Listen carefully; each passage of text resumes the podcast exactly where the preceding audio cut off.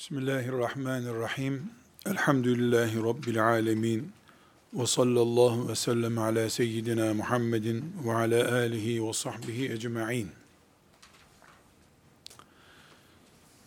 Allahu Teala kullarının dünyayı cennete gidebilecekleri bir yer olarak değerlendirmeleri için peygamberler gönderdi. Bu peygamberlerin sonuncusu Resulullah sallallahu aleyhi ve sellem Efendimiz'dir. Bu bildiğimiz bir hakikat. Ancak bugün insanoğlunun karşılaştığı bir soru bombardımanı var. Bu soru bombardımanında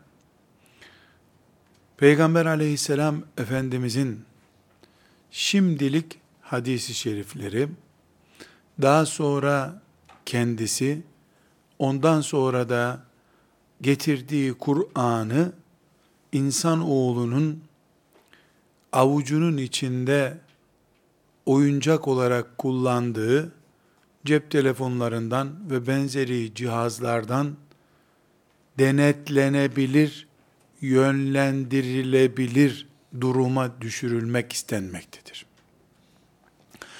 Peygamber aleyhisselam efendimizle ilgili hepimizin bildiği en bariz hakikatlerden birisi okuma yazmanın bile olmadığı bir topluma geldi. Bugün ise cihazların insan gibi okuma yapabildiği bir zamanda yaşıyoruz. Hatta artık konuştuğunuz yazıya dökülüyor, yazınız okunuyor cihazlar tarafından. Bu kadar bariz bir farkla karşı karşıyayız. Kimsenin kalem tanımadığı bir toplumdan parmağın kalem olarak kullanılabildiği bir topluma geldik. Bugün Resulullah sallallahu aleyhi ve sellem Efendimizin hadisi şerifleri ve daha sonra sıradaki Kur'an-ı Kerim yazının ve okumanın bu kadar yaygınlaştığı dönemin çocukları tarafından kimsenin kalem kullanamadığı, herkesin hafızasına güvendiği zamanın bilgilerini yorumlamaya kalkacaklar. Bu şöyle bir imtihandır. Ebu Cehiller ve inatçı müşrikler Resulullah sallallahu aleyhi ve sellemin nübüvvetine ve Kur'an'ına niye karşı çıktılar? Niye dayatma yapmaya kalktılar? Zamanlarındaki yaygın kültürün etkisinden sıyrılamadılar. Babalarımızın dini ne olacak? Bizim için ne derler? Endişesini atamadılar. O zamanın insanları bu köprüyü atıp Resulullah'a geldikleri zaman iman etmiş olacaklardı aleyhissalatü vesselam. O dönemin Müslümanının imtihanı buydu. Enginizasyon mahkemelerinde Hristiyan oluyor musun, olmuyor musun sorulduğu zaman Endelüslü Müslümanlara da onların imtihanı keskin bıçağın altına yatmayı kabul edip cehenneme girmemek ya da canını kurtarıp ebedi cehennemde kalmak tercihiydi. Her dönem Allah bir çeşit imtihan etmiş kullarını. imanlarındaki ciddiyeti ölçmek için. Anlaşılıyor ki bu dönemin Müslümanlarının imtihanı da çoluk çocuğun hatta insan olmayan, canlı olmayan cihazların Resulullah'a direkt ve dolaylı saldırdığı bir zamanda dik duran mümin olabilmektir. 14 asırdır gelen nesillerin sapık olmadığını, körü körüne iman etmediklerini kabul edip geçmişi silmeyen Müslüman olmaktır. Burada üç şeye dikkat etmemiz lazım. Hadis konuşabilmek için. Birincisi, değerli kardeşlerim, şeytan herhangi bir projesini aptalca sunmaz hiçbir zaman. Onun geçmiş birikimine yakışmaz bu. Tezgahından milyarlarca insan geçirmiş birisi olarak iblis var peygamberini yok say demez kimseye. Ne hadisi ne Kur'an'ı demez kimseye. Elbette hadis olmalı canım. Hadissiz olur mu? Der. Hiçbir hadisi de kabul ettirmez. Mantıklıdır. Şeytan mantıklı bir mahluktur. Zaten şeytan güçlü mantığı yüzünden şeytan oldu. Mantığını kullandı Allah'a karşı. Öyle değil mi? Öyle değil mi diye sorarak şeytan oldu. Şeytanlaşmak ve şeytanın tuzağına alet olmak da mantıktan geçer. Şeytanda mantıksız iş yoktur. İmansız iş vardır, mantıksız iş yoktur. Şeytanın elinde nükleer silahlar yok ki. Şeytanın elinde herhangi bir kamçı, bıçak, zehir yok ki. Şeytanın bir silahı var, o da mantıktır. İkna eder. Görmüyor musun peygamberin hanımı ne yapmış? Tamam da işte peygamberin hanımı yapmış bunu. Ya demek öyle. Dedirterek şeytan yapacağını yapar. İlk eylemi Adem aleyhisselam üzerindedir cennette. Onu da mantık üzerinden yürüttü. Diyeyim mi sana bu cennetten çıkmamanın formülünü dedi. Kim cennetten çıkmamanın formülünü almak istemez ki? De bakalım deyince Adem aleyhisselam olan oldu. Buraya geldik işte. İlk cinayeti işletirken herhangi bir şekilde öldür bunu ebedi cehennemde kalırsın demedi ki Kabil'e. Ne dedi? Ya abilik biraz saygı görmeyi gerektirmiyor mu canım? Sen eziliyorsun bu ailede dedi. Eziliyorsun bu ailede. Hakikaten yahu niye eziliyorum? Şeytan mantıksız iş yapmaz. Yegane silahı da mantıktır şeytanın. Onun için çok aklı olan filozof kafalılar, çok düşünme yeteneği olan ve düşüncesini Resulullah'a kilitlemeyenler kolay şeytana alet olurlar. Abuk subuk işleri akıllı kıt olanlardan daha fazla yaparlar. Bunun için avamdan görmediğini insanlar avam üzerinde görmediğini çok akıllı, zeki insanlarda görür. Zeki insanlar çocuğun yapmayacağı şeyi yapabilirler. Çünkü onlar kendi mantık düzenekleri üzerinde bütün insanlığı yok sayarak yol alırlar. Birinci unutmamamız gereken şey budur. Ne? Şeytan herhangi bir şeyi mantıksız bir şekilde yaptırmaz. Kur'an-ı Kerim'i herhangi bir koyundur, koyunun tüyü gibi kırpılabilir dedirttiği zaman mutezileye şeytan, bunu akıl üzerinden yaptı. Makul bir şekilde yaptı. Bunu kabul etmeyenleri de abuk supuk manyak diye hapishanelere attırdı. Bunu bir kenara kırmızı harflerle yazıyoruz. Şeytanın tek silahı mantıklı konuşmaktır. Akıllı konuşmaktır. Müminin yegane silahı da malını, canını, aklını Resulullah'a teslim etmektir. Aleyhissalatü vesselam. Bu formülü bu şekilde kuramayanlar, Resulullah'ın önüne Ebu Bekir'in malını getirdiği gibi, filan sahabinin canını getirdiği gibi, aklını, idrakini Resulullah'a teslim etmeyenler, herhangi bir şekilde şeytanın tezgahından kurtulamazlar. Bu ebedi bir kanundur. Bir. iki.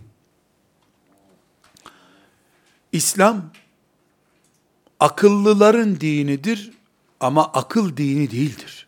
Vahiy dinidir. Allah akıllıların anlayabileceği vahiy göndermiştir. Akıl seçenekleri arasında bırakmamıştır kullarını.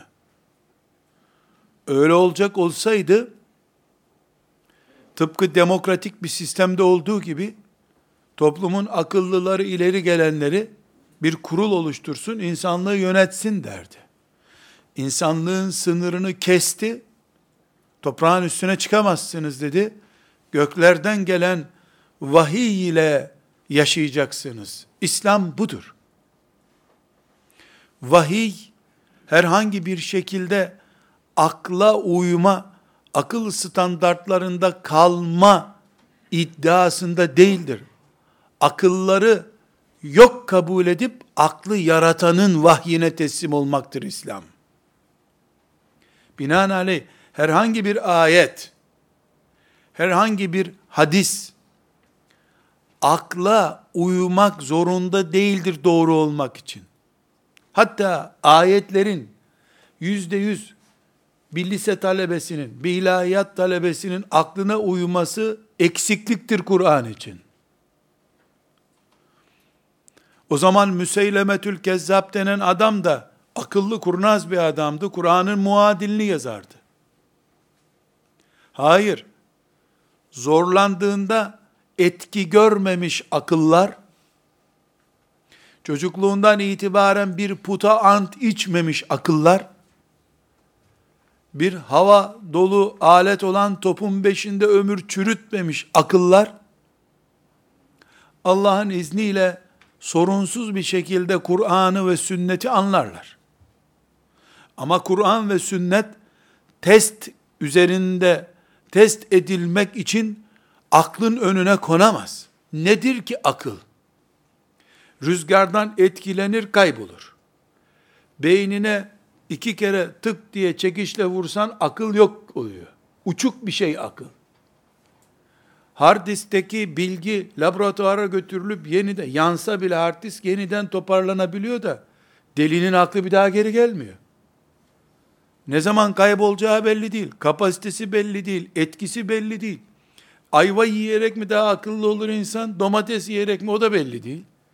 Böyle bir meçhul bir kavrama alemlerin Rabbi teslim edilebilir mi? Akıl mahlukun içinde bir organdır sadece.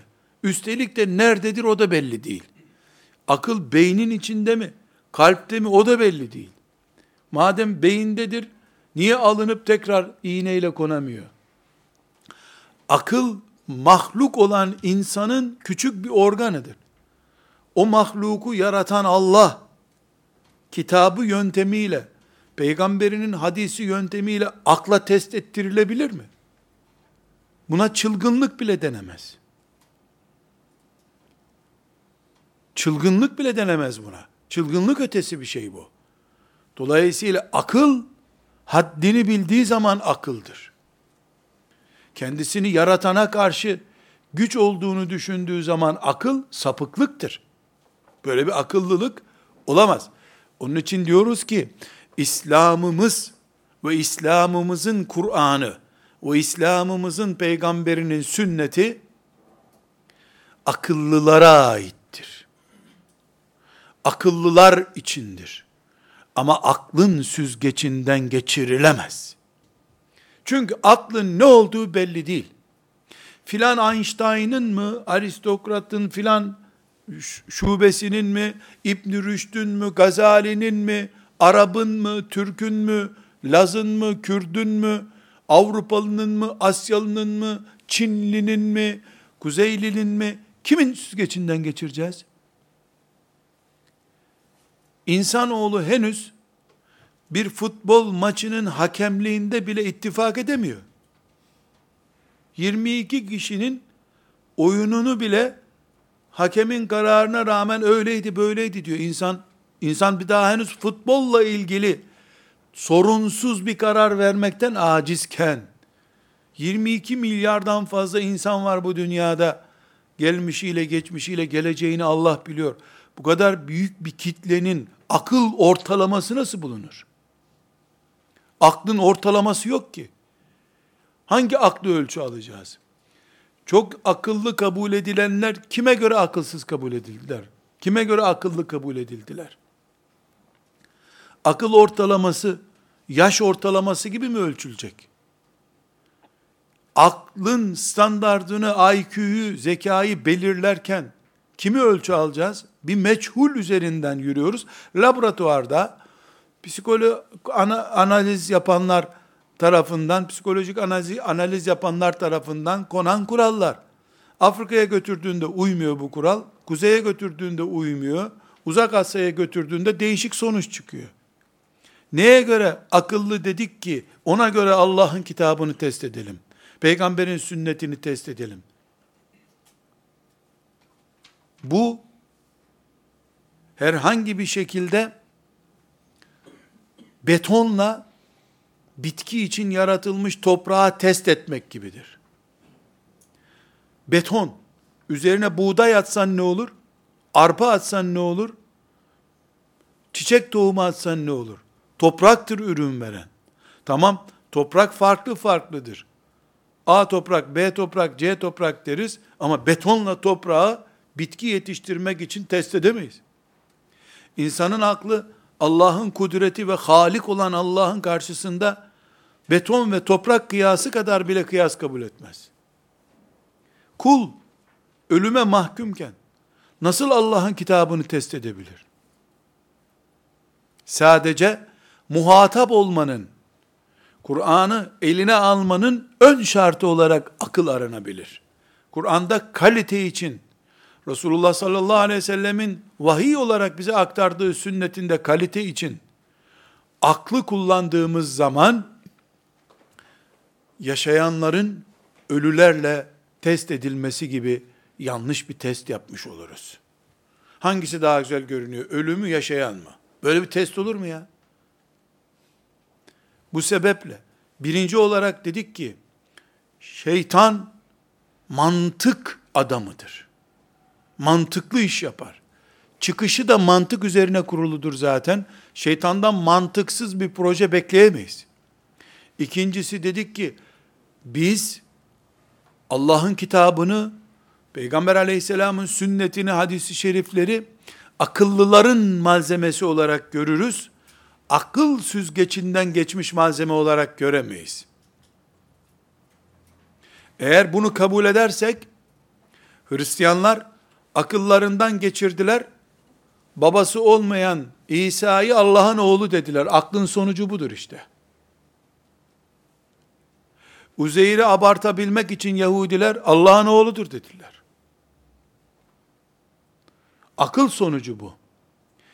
Bugün aklın insan oğlunun Allah'ın şeriatını süzgeci olarak süzgeci olarak kullanabileceği bir nesne olmadığını belgeleyen en büyük pozisyon İsa pozisyonudur aleyhisselam.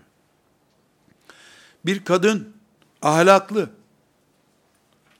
iffeti hakkında kimse bir şey söyleyemiyor ve doğum yaptı. Ve kocası yok. Kocası olmadığını herkes kabul ediyor. Bir erkeğin onun üstüne tutmadığını herkes kabul ediyor. Ve doğum yaptı. Bu nasıl doğum yapar? Ya Allah bilir deyip kenara çekileceksin, Kur'an budur. Ya da akıl buna bir çözüm üretmek zorunda. Nedir ürettiği çözüm aklın? Babası bizim görmediğimiz biri olmalı. O da Allah'tır. Haşa. Haşa. Maazallah. Subhanallahi amma yüşrikun. Gerçi bugün kullandığı taktik şeytanın Allah filancanın babasıdır vesairedir gibi haşa çirkin şeyler üzerine değil artık. Vahyin kendisini izale etme üzerine projeler üretiyor vahyi kökten kaldırma projelerini devreye soktu şeytan. İslam'ın ve Kur'an'ın hızlı bir şekilde insanlığın masasına geldiği, artık İslam'ı kabul etmeye insanlık mecbur kaldığı bir zamanda, çünkü bütün şirk düzenleri, bütün insan üretimi olan düzenler iflas ettikten sonra, ard arda çökmeye başladıktan sonra, İslam rakipsiz bir alternatif olarak insanoğlunun gündemine gelince, şeytan da projesini büyütmüş, vahyin bütünüyle oynamayı test etmeye başlamıştır. Bunun için de hazmı kolay olsun diye önce 1900'lü yıllardan beri Ebu Hanife ile oynadılar. İmam Şafii ile oynadılar. Rahmetullahi aleyhim cemiyan. bu o oyunları oynamaya müsait gündemi olan Müslümanlar oluşturunca sıraya Peygamber aleyhisselamı getirdiler. Ama 1940'larda önce Ebu Hureyre ile oynadılar. Bu kadar hadisi nasıl bilir bir adam dediler. Hain oğlu hainler. Bir talebe üniversite imtihanına girene kadar her biri rakamlardan oluşan 10 bin soruyu ezberleyebiliyor da her biri günlük cümlelerden oluşan 5000 cümleyi Ebu Hureyre gibi peygamber yanında dua almış, terbiye görmüş birisi ezberlese çok mu? Ebu Hureyre radıyallahu anh'ın Medine'den bize ulaştırdığı mesajlar bir lise talebesinin bir koleje girmek, bir liseye girmek için çalıştığı ve ezberlediği soruların beşte biri kadar değildir. Şunu mu demek istiyor insanlar? Bizim bira içen adamların çocukları bile on binlerce cümleyi ezberleyebilir. Hurma yiyip peygamber duası almış Ebu Hureyre beş bin cümle ezberleyemez. Bunu mu söylemek istediler? Ama buna Müslümanlar Ağrı dağını kaldırıp bunların üzerine fırlatacak kadar tepki göstermeyince cüret buldular. Şimdi Resulullah sallallahu aleyhi ve sellemin hadisi şeriflerini akıl süzgecinden geçiriyorlar kendileri akıllı olmadığı halde. Ama dedik ya IQ'nun aklın bir standardı olmadığına göre meczup da olsa, abuk subuk da konuşsa, cici bir laf söyleyince süper akıllı oluyor. Hele uyduruk, kopya çekerek bir de akademik ünvan aldın mı, Arap ülkelerinden ya da Hollanda'dan bir testi, bir e, malzemeyi tercüme edip yazdın mı, intihal yaptın mı, zaten akademik adamsın, konuşabiliyorlar. Biz iman ediyoruz ki, Allah'ın Kur'an'ı, gönderdiği peygamberinin sünneti, akıl süzgecinden geçirilemez. Bu süzgeç, şeytan süzgecidir. Allah, mahlukunun testinden geçirmek için kitap göndermemiştir. Şimdi denecek ki biz bunu Kur'an için söylemiyoruz. Ne için söylüyorsunuz? Hadisi şerifler için söylüyorsunuz. Reddettiğiniz hadislerin belki de on katı daha akıla ters düşecek ayetler var Kur'an-ı Kerim'de. Siz kademe kademe gidiyorsunuz, oya oya dağın altını aşıyorsunuz. Oyduğunuz yer şimdi hadistir, ama dağın ortasına geldiğinizde Allah'ın kitabını da delmeye çalışacaksınız, yıkmaya çalışacaksınız. Ama bir iznillah Allah ne kitabını ne de peygamberini bu şeytan tuzağına yedirtmeyecektir. Buna inanıyoruz. Üçüncü olarak da kardeşlerim, hem Kur'an-ı Kerim, vahyin birinci çeşidi, hem Resulullah sallallahu aleyhi ve sellemin sünneti,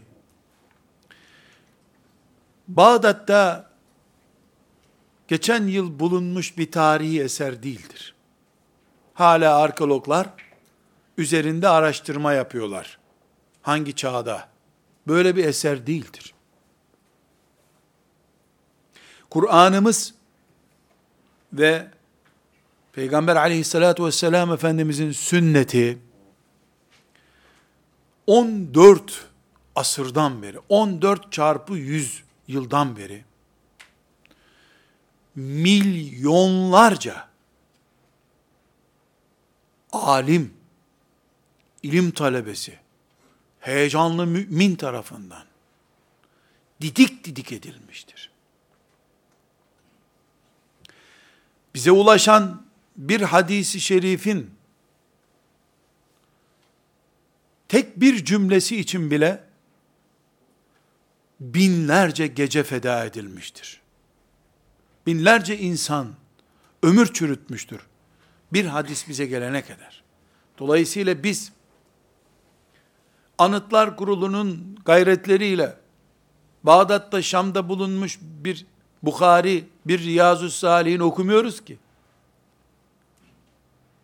Biz ilk gününden bugüne kadar uzmanları tarafından didik didik edilmiş. Tenkit edilmede herhangi bir korku olmadan isteyenin alim olmak şartıyla tenkit edebildiği ve ona herkesin cevaplar verebildiği büyük bir ilim ortamında bugüne gelmiştir. Bugün arkadaşlar sosyal medya diye bir şey var ya. Sosyal medya üzerinden Çin'de birisi bir cümle yazıyor. Güney Afrika'daki ona cevap veriyor. Kuzey Almanya'daki birisi de o ikisinin yorumunu yapıyor. Bu toplam bir saniye içinde oluyor. Veya iki saniye içinde oluyor. Şu sosyal medya ağının işleyiş tarzını düşünün. Hiç tereddüt etmeden kat'i bir şekilde söylüyorum ki yüzde yüz aynısını hadisi şerifler için yaptı alimler. Medine'de bir hadis söylendi. Özbekistan'da, Bukhara'da o hadisin sahih olup olmadığı ile ilgili yorum yapıldı. Üç ay sonra at üzerinde Şam'a gelindi. İkisi test edildi. Yemen'den gelen birisi Abdurrezzak'ın Yemen'deki sözleriyle Medine'deki söz, Özbekistan'daki yorum karşılaştırıldı. Bu üç asır sürdü böyle. Şimdi çocuklar sosyal medya üzerinden o öyle dedi, böyle dedi, ona ilave yaptı, bunun mesajını sildi, bunun mesajını taktı yapılıyor. 40 sene, 50 sene rahlele üzerinde ilimle meşgul olmuş insanlar bunu bir ömür harcayarak yaptılar. Bu ömür harcanarak elde edilen birikimin sonunda Bukhari'nin yüzde yüz Resulullah'a yaklaşan bir kaynak olduğu, İbn Mace'nin de yüzde seksenlerde yaklaşan bir kaynak olduğu sonucu ortaya çıktı. Biz bugün Resulullah dedi ki sallallahu aleyhi ve sellem derken gözümüzle görür gibi söyleyebiliyorsak bu büyük birikim üzerine söylüyoruz. Ayşe anamız Ebu Hureyre'ye cevap vermiş. Ebu Hureyre gelmiş ben böyle biliyorum demiş. Üçüncü sahabi bunu karşılaştırmış. Ta Efendimiz sallallahu aleyhi ve sellemin sağlığından itibaren acaba ne dedi, nasıl dedi diye merak edilmiş ve bu merakta gitgide büyümüş, büyüyerek hizmet ağda büyümüş bir birikim üzerinden Resulullah dedi diyoruz biz sallallahu aleyhi ve sellem. Peki şimdi birisi çıkıp Resulullah böyle dememiştir dediği zaman niye rahatsız oluyoruz? Rahatsız olmuyorum ben. Yok sayıyorum onu. Rahatsızlık ötesi bir şey bu. Neden? Çünkü sen bunu Napolyon Mısır'a geldiğinde bu ezheri değiştirin, bu Müslümanlara cihat heyecanı veren kaynakları yönlendirin dedikten sonra kurulmuş enstitülerden doktora yapmışların uydurduklarını tekrar ediyorsun sen. Sen benim ümmetimin ilim ürünü değilsin. Ümmetimin düşmanlarının casusluk ürünüsün sen. Bilerek yapıyorsan sen de bu ümmetin düşmanı bir hainsin. Bilmeden yapıyorsan Allah seni affetsin, hata ediyorsun, ben sana yanaşmam. Seni yok sayarım. Dara Kutni bir muhaddis olarak Bukhari'de şu kadar hadisi ben sahih görmüyorum dediği zaman Allah senden razı olsun niye görmüyorsun diye soru sorarız ona. Oturup düşünürüz niye böyle görüyor? Çünkü bir ailenin çocuğu olarak bu ümmetin alimi olarak Dara Kutni'den tereddüdümüz yoktur bizim. Ama sen Napolyon'un ucunda durduğu, hususi Müslümanları kaynaklarından mahrum etmek için oluşturulmuş 200 yıllık enstitülerin ürünü olan bir iş yapıyorsan, kafirlerin keşfettiğini zannettiği şeyi sen bize kendi icadın gibi yutturuyorsan, biz seni o zaman Dara Kutni'nin tırnağı bile kabul etmeyiz. Bu ümmet kendi içinde konuşur. Dışarıdan birisinin sesi olmaz ama hiçbir zaman. Kafirin, haçlının, Siyonistin sesi olamazsın sen. Onun için bu üç maddeyi tekrar özetliyoruz. Bir, diyoruz ki biz herhangi bir şekilde akıl düşmanı değiliz. Akılsız olsak Allah zaten bize din hitap etmezdi. Ama bilmeliyiz ki iblis mantık örgütü diye bir örgüt üzerinden adam topluyor. Bunu bilmek zorundayız. Eğer bunu bilmezsek iblisin tuzağına düşeriz. İblis akıllıdır. Bu mantık bugün Müslümanların hadis imanı, Kur'an imanı, ümmetin büyüklerine güveni üzerinde ceryan eden bir proje olarak önümüze çıkmıştır. Bu asırdaki imtihanımız, hele bu yıllardaki imtihanımız, görünen o ki, ilmin cep telefonu düzeyine düştüğü bir çağda, önümüzdeki 10-20 yılda ihtimal ki, Müslümanlar, Kur'an'ın, mesela Bakara suresi çok uzun, ezberlemesi zor oluyor, dörde bölelim Bakara suresini. Nasıl olsa Müslümanların coğrafyasını istediğin zaman harita üzerinden bölüyorsun. Sureyi de bölelim. Ya Fatiha suresi ne kadar güzel. Bakara suresinden 4 sure üretelim. Kur'an 120 sureye çıksın. Diyebilecek kadar cüretkarane Allah'ın vahyi, Kur'an, Allah'ın ikinci vahyi, sünnet üzerinde konuşabilmektedirler. Bu, bu çağın ne üzerinden iman edilen Müslümanları olduğumuzu anlamamıza yardım etmelidir.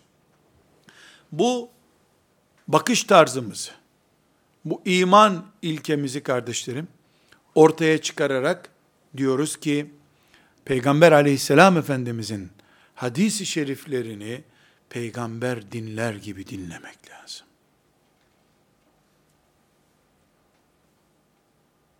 Bir talebe Peygamber aleyhisselam yaşıyor. Yavrum şu sözümü oku bakayım diye ona bir kağıt uzatmış. O da okuyor şeklinde Riyazu Salihin okumak lazım. Tirmizi okumak lazım. Darakutni okumak lazım. Darimi okumak lazım. İbn Mace okumak lazım. Elbette bunların üzerinde de asırlardan beri çalışma yapan ümmetin alimlerinin birikimi var. O birikimi de elbette takdir ederek, değerlendirerek okumak lazım. Şimdi bugün biz bu pencereden bakarak Resulullah sallallahu aleyhi ve sellem'den imanımızı ilgilendiren, sonu cennet veya cehennem olan sözlerini dinliyor gibi hadis-i şerif dinleyelim ve bunu hayat pratiğimize nasıl koymamız gerektiğini de tefekkür edelim. Enes İbni Malik radıyallahu an ashab-ı kiramdan bir hadisi şerif rivayet ediyor.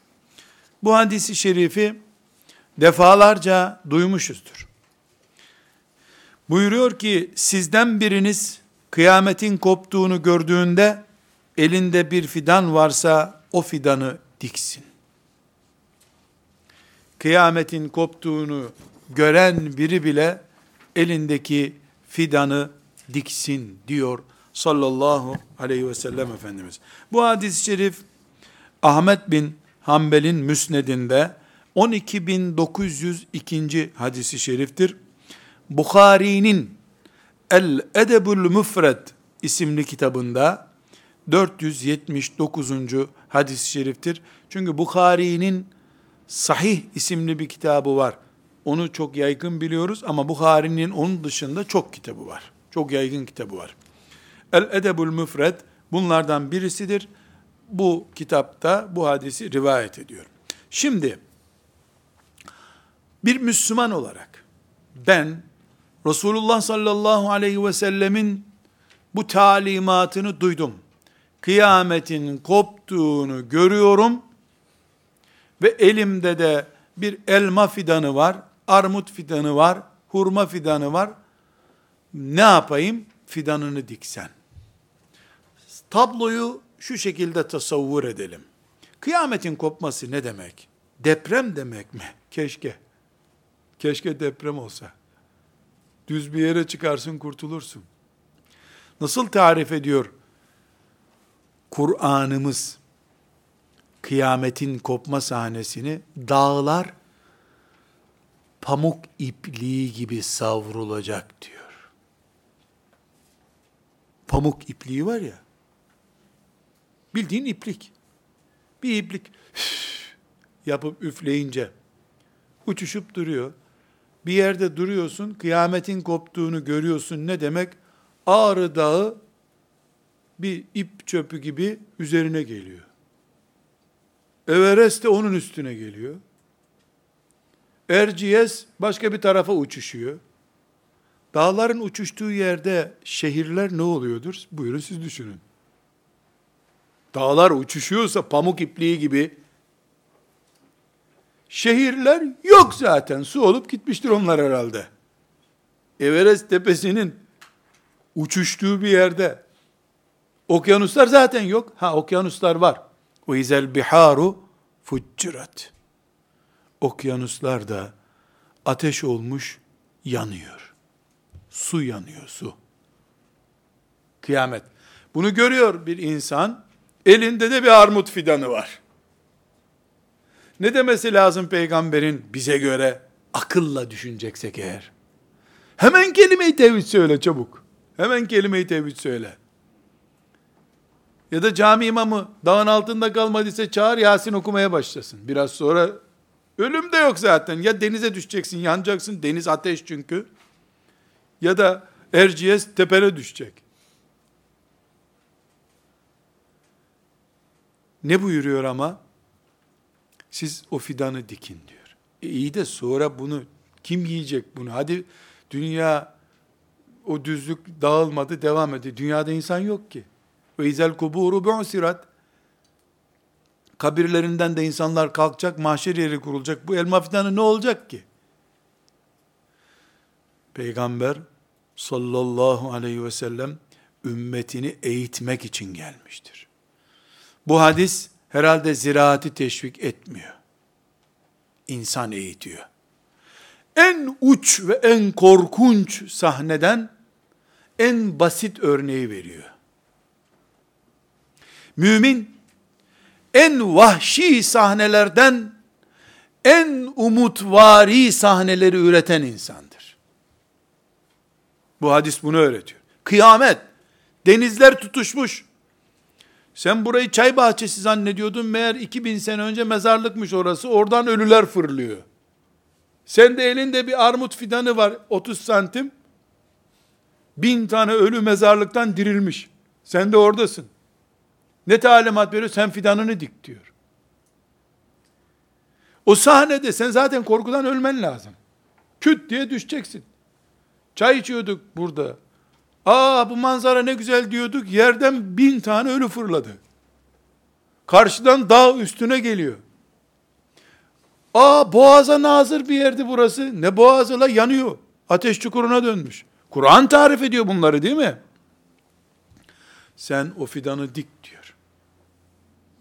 Şimdi ashab-ı kiram Allah onlardan razı olsun. O 5000 hadisi bize rivayet eden adamlar. Resulullah dedi ki deyince sanki böyle arşı görüyor gibi huzurlu ve itimatlı konuşanlar. O adamlar. Allah onlardan razı olsun. Bunlar ne anlatılar? Bir, demek ki kıyamet diye bir akıbetimiz var bizim. Bu iman perçinleniyor. Bu kıyamet kopmayacak. O görüntüye merak etmeyin demiyor ki. Kıyamet kopuyor sen fidanını dik diyor. Bir, kıyametimiz bu şekilde vahşi bir görüntüyle kopacak. Bu iman. Bir. iki. Kıyametin kopması aylarca sürmeyecek. Günlerce sürmeyecek. Start verildi, sur üflendi, bitti. Dakika mı? 10 dakika mı Allah bilir. Kazmayı getir. Bir ibrik su getir. Can suyu dökeceğiz fidana. Kıyamet çoktan kopmuş olur. Uzun bir süreç değil bu. Buna rağmen fidan dik diyor. Ne anlaşılıyor bundan? Demek ki mümin projeleri için uzun zaman peşinde değildir. Mümin üreteceği projeler için son saniyeyi bile yeterli görecek umut adamıdır. Bunu biz bu hadisten böyle anlamıyor olabiliriz. Ashab böyle anladılar. Eğitimde, çocuk yetiştirmede, toplum organize etmede, ticarette, para kazanmada, hayat tarzı için bunu konuşuyor sallallahu aleyhi ve sellem Efendimiz. Müminin hayat tarzıdır bu. Ama bu hadisi akla ölçtüğünde akılla akı anlaşılacak bir tarafı yoktur bu hadisin.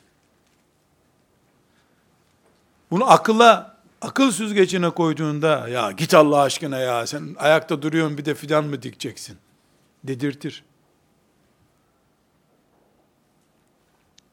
Mümin son saniyeyi bir ömür kadar önemli görür. Çünkü burada bir saniye de yok aslında ama Peygamber aleyhisselamın talimatı belli. Sen fidanını dik. Çocuk yetiştiriyor. Çocuk 41 yaşına bastı. Hala projem tutmadı. Zararı yok. 41 yaşının bitimine daha var. 48 oldu. Devam. 60 devam. Kendi özel hayatında da Allah'ın cennetiyle ilgili umudu son saniyeye kadar devam eder müminin. Cehennem korkusu da son saniyeye kadar devam eder. Çünkü tarif ettiği pozisyon sallallahu aleyhi ve sellem Efendimizin saniyelerin bile olmadığı bir zamandır. Ama orada bile sen umutsuz kalma diye talimat veriyor. Sallallahu aleyhi ve sellem Efendimiz. Üçüncü maddemiz, dağların pamuk ipliği gibi uçuştuğu, denizlerin tutuştuğu, mezardan ölülerin dirildiği bir sahnede, ya dünyanın bütünü çöp sepetine dönmüş. Medine ovasına gelin. Demiyor ki, bir fidandan söz ediyor. Fidan dediğin ya 30 santimdir ya da 35 santim. Poşete koyup satıyorlar fidanları. Hatta saksısı oluyor, saksısıyla poşete koyuyorlar onu. Bir ekmeğin gireceği kadar bir poşete konuyor. Dünya ise o fidanla ölçüldüğünde kaç katrilyon kere o fidan yapar dünya. Ağırlık olarak da hacim olarak da. Vahşete verdiği örnekle, ağırlığa verdiği örnekle, eyleme verdiği örnek arasında uçurum bile yok. Yani hiç benzerlik yok. Dağlar çöp gibi savrulacak. E bir dağda 100 milyar fidan olur belki. O bir tek fidanı o büyük vahşi görüntüye karşı örnek olarak veriyor. Demek ki müminin eyleminin küçüğü yoktur. Küçük kelimesi mümin için yoktur. Küçük Allah'la bağlantısı olmayan işlerde olur. Mümin her işini Allah için yaptığına göre, Allah'a göre yaptığına göre onun küçük işi yoktur. Müminin her işi büyüktür. Bunu da nereden anlıyoruz? Bu hadisi şerifin mesajından anlıyoruz. Çünkü verdiği örnekte sizde avazınız çıktığı kadar Allahu Ekber deyin demiyor. Allahu Ekber diyelim manevi olarak Everest'ten yüzlerce defa daha büyük diyelim. Fidanınızı dikin siz diyor. Gerçekten fidan dikin demiyor herhalde. Ama bir örnekleme yapıyor. Sen fidanınla meşgul ol diyor. Bu da gösteriyor ki mümin zaman olarak hiçbir zaman azdır demez. Bir saniye yeter mümine. Ve eylem olarak da hiçbir eylemi küçük görmez. Dördüncü bu hadisi şeriften istifade edeceğimiz mesele Peygamber aleyhisselam efendimiz rast geldiği için örnek verecek hali yok herhalde. Aklına fidan geldi, fidan örnek verdi. Ne alakası var? Büyük ihtimalle bunu mescitte konuştu. Mescitte namazdan örnek verebilirdi. Hemen kıbleye dönün. Abdest suyu bulamazsanız teyemmüm edin diyebilirdi. Fidan dikeceğine göre toprakta adam zaten. Teyemmüm etsin hemen iki rekat namaz kılsın. Namaz kılarken kıyamet kopsun diyebilirdi. Fidan örneği mümin ve ziraat bağlantısına işaret ediyor. Tarıma işaret ediyor. Çünkü Kur'an da kafirlerin yeryüzünde siyasi otorite sağladıklarında ziraatı berbat edeceklerini, tarımı çürüteceklerini söylüyor Kur'an-ı Kerim. Son dakikası gelen mümine de Peygamber aleyhisselam ziraatı güçlendirmeyi örnek veriyor. Halbuki o günden sonra o ağaç bir daha bir şey büyütecek. Gitti, dünya gitti zaten. Olsun. Bu ziraate de kapı açıyor. Sonra Peygamber aleyhisselam ne buyuruyordu? Siz bir ziraat yapın, meyve büyütün, ondan kuşlar yesin sadaka olur, kurtlar yesin sadaka olur, insan yesin sadaka olur buyurdu. Peygamberin ufkunda aleyhissalatü vesselam, kargaları yedirecek kadar ziraate teşvik var demek. Kurtlara, böceklere bile pay ayıran bir ziraati var. Sallallahu aleyhi ve sellem. Bütün Müslümanlar tarımcı olsun değil bu herhalde. Ama ziraat senin gözünde değerli olsun. Çünkü Peygamber aleyhisselamın çarpıcı örneklerine girecek kadar önemli bu. Beşinci boyutu bu hadisi şerifin, üç ve ikinin ortağından şu sonuç çıkıyor. Yani ikinci ve üçüncü örneğinden. Yani Müslüman ne dedik biz? Son saniyeyi de değerlendirir. Ve küçük eylem demez. Bunun ortasından bir sonuç daha çıkıyor. Müslüman hayır gördüğü bir işi ertelemez. Hayırda acelecidir Müslüman.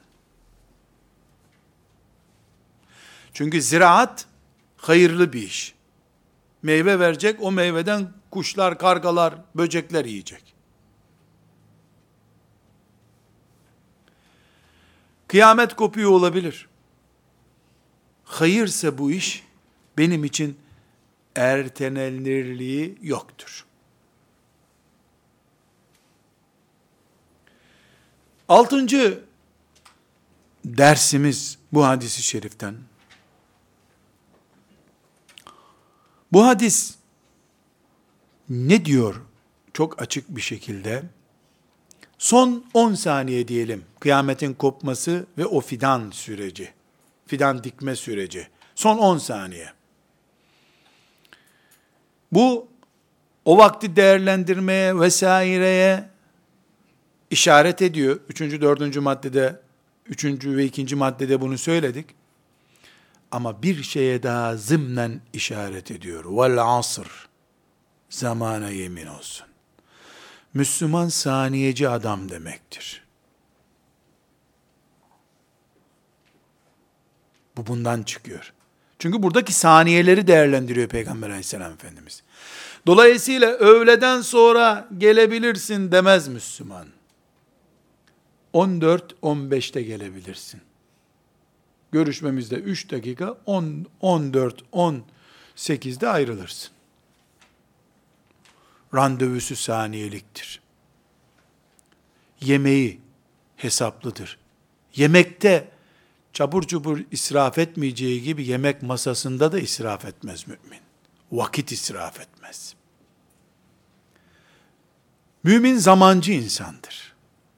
Vel asr insanıdır. Asra yemin olsun. Zamana yemin olsun. Eğer mümin kıyamet koparken bile üç saniyelik fırsatı değerlendirmeye mecbur bir insansa, hayatının herhangi bir üç saniyesi asla çarçur edilemez insandır. Yedinci başlığımız, bu hadisi şerifin bereketinden ortaya çıkan, Bu kıyamet kopuyor. Kıyametin kopması ne demek? Dağların yerinden oynaması, evler yıkılıyor, deprem oluyor. İnne zelzeletes saati şey'un azim. Kıyamet sartıntısı korkunç bir şeydir Allah buyuruyor. Mesela çocuklar Kur'an kursunda ders çalışıyorlardı. Bu adam da baktı kıyamet kopuyor. Gidip o çocukları kurtarması gerekmez mi? Ama te, o bina yıkılıyor, o da onun altında kalacak. Yapabileceği bir iş değil. Ama düz bir yerde duruyor, o fidanı dikebilir. O yapabileceği bir iş.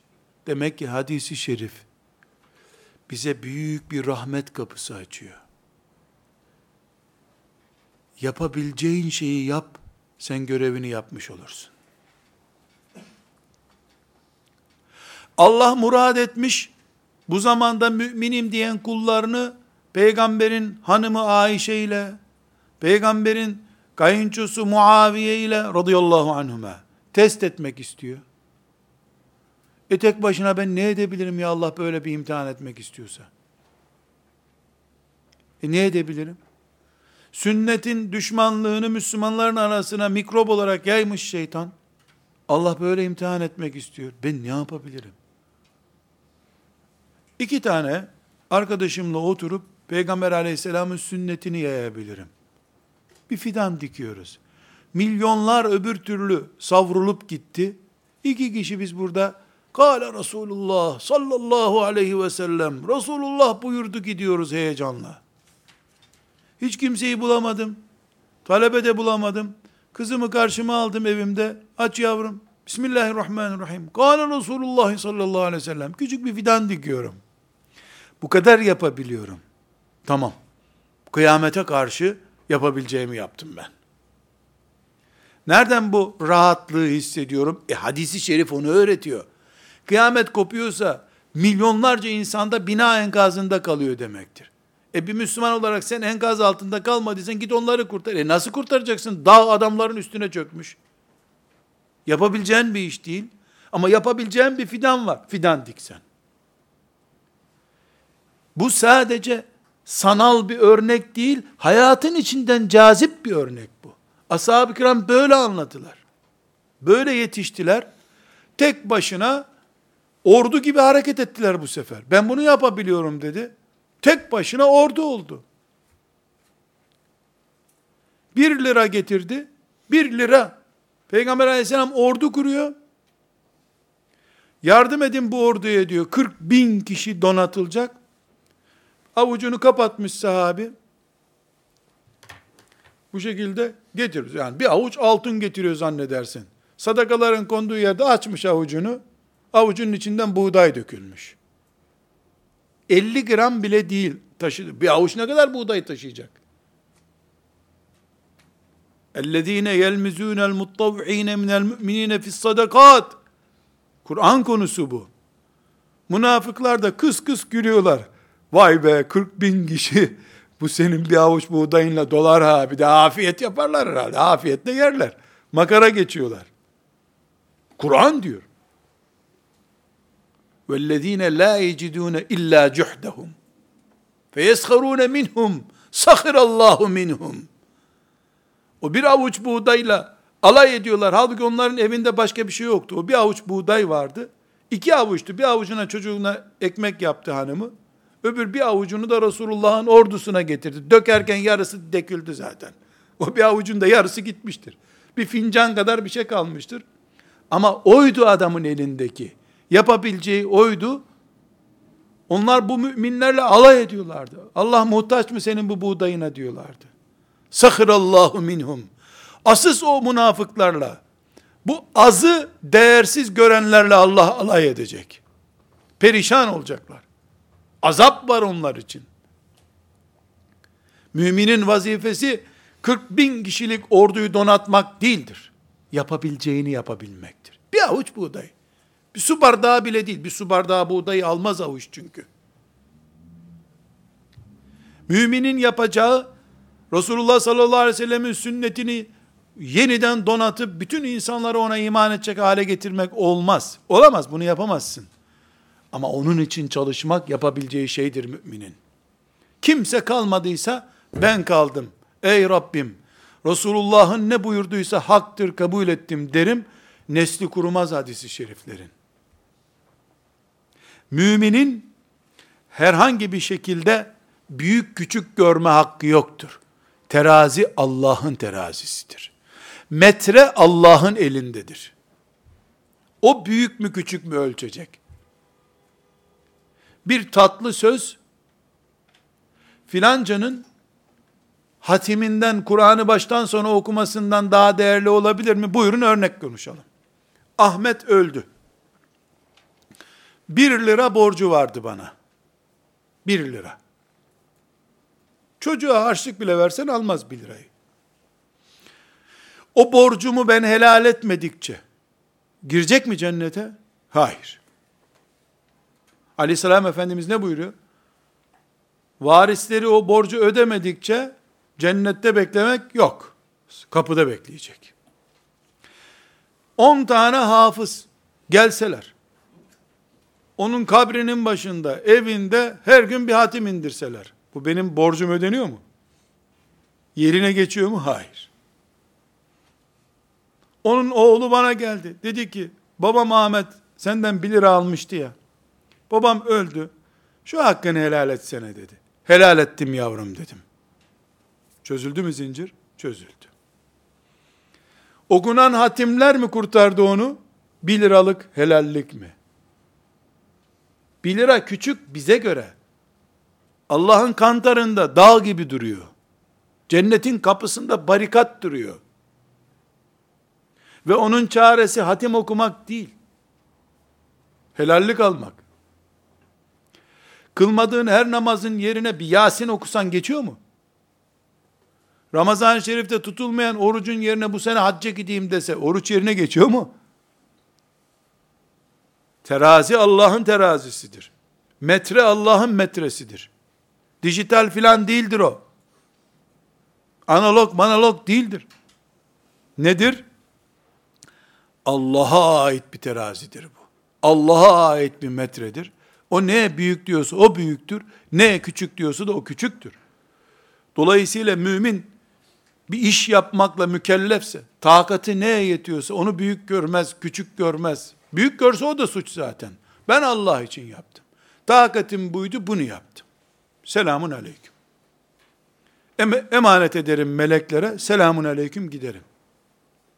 Böyle gerekiyor. İman buna deniyor zaten. Bunu nereden öğrendik? Bu hadisi şerifin deryasından çıkardık. Ve sekizinci madde bu. Sekizinci maddemiz. Şimdi kıyamet koptuğuna göre, o ağacı diktirdiğine göre Efendimiz sallallahu aleyhi ve sellem, o adam da ölecek kıyamet koptu. İhtimal Allah yeniden bir mahluk yaratacak. O mahluklar da 30 sene sonra dünyaya gelecekler. O büyümüş ağacı bulup ondan elma yiyecekler. Tasvir bunu gerektiriyor. Değil mi?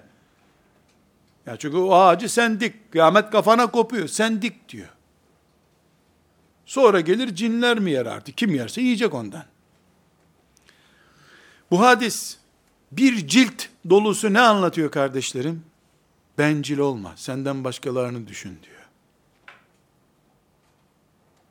Canım Resulullah'ım. Ne eğitim yapmış ya. Ne eğitim yapmış. Bu söz takvim yapraklarına değil, avuçlarımızın içine yazılması lazım. Caiz olsa dövme yaptırmak caiz olsa, caiz değil.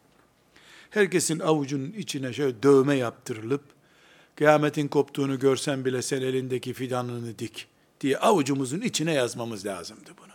Belki görür de bu anlamı çıkarırız bu hadis-i şeriften. Bencil olma. Bu elmadan senin yemen mümkün değil. Kıyamet kopuyor.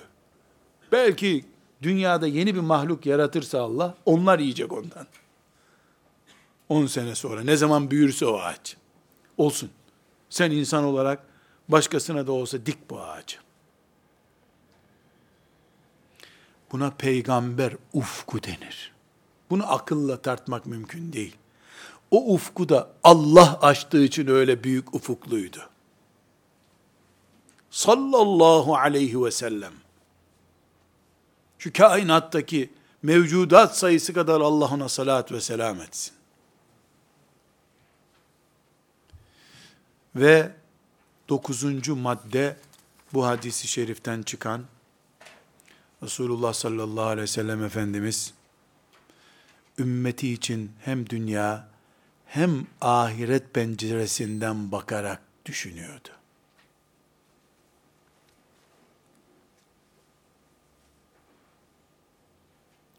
Dünyayı da ahireti de düşünü ortak paydadan ölçüler veriyordu. Sallallahu aleyhi ve sellem. Ve onuncu olarak da kardeşlerim bu hadis avuçlarımızın içine yazılsın diyorum ya. Bunu eğitim konusu yapalım diyorum ya. Her vakıf, her dernek bu hadisi şerifi tüzüğünün, senedinin ilk maddesi yapmalı adeta. İlkemiz budur. Emelimiz budur. Ve bundan on madde çıkarıyoruz biz. Böyle düşünüyoruz hayatı demeli. Ashab böyle yaptılar. Vakıfları, dernekleri yoktu ashab-ı kiramın. Kafaları vakıf kafa, kafaydı çünkü. Allah'a vakfedilmiş kafaları vardı. Bu hadislerden bu sonuçları çıkardılar. Bizim böyle kafamız kalmadığına göre, bari hiç olmasın derneklerimiz, çalışma ilkelerimiz bu şekilde olmalı. Onuncu olarak da şu sonucu çıkarıyoruz. Müslüman, şom ağızlı adam değildir. Hayır düşünür, hayır söyler. Müslüman, geleceğe umutla bakar. Gelecekten umudu olmayanın, günlük olaylarla hayatı zehir zemberek olmuş, berbat bir sahne olarak görenlerin, bu hadisi şerifi iyi düşünmeleri lazım. O sallallahu ve sellem ala seyyidina Muhammed ve ala alihi ve sahbihi ecma'in velhamdülillahi rabbil alemin.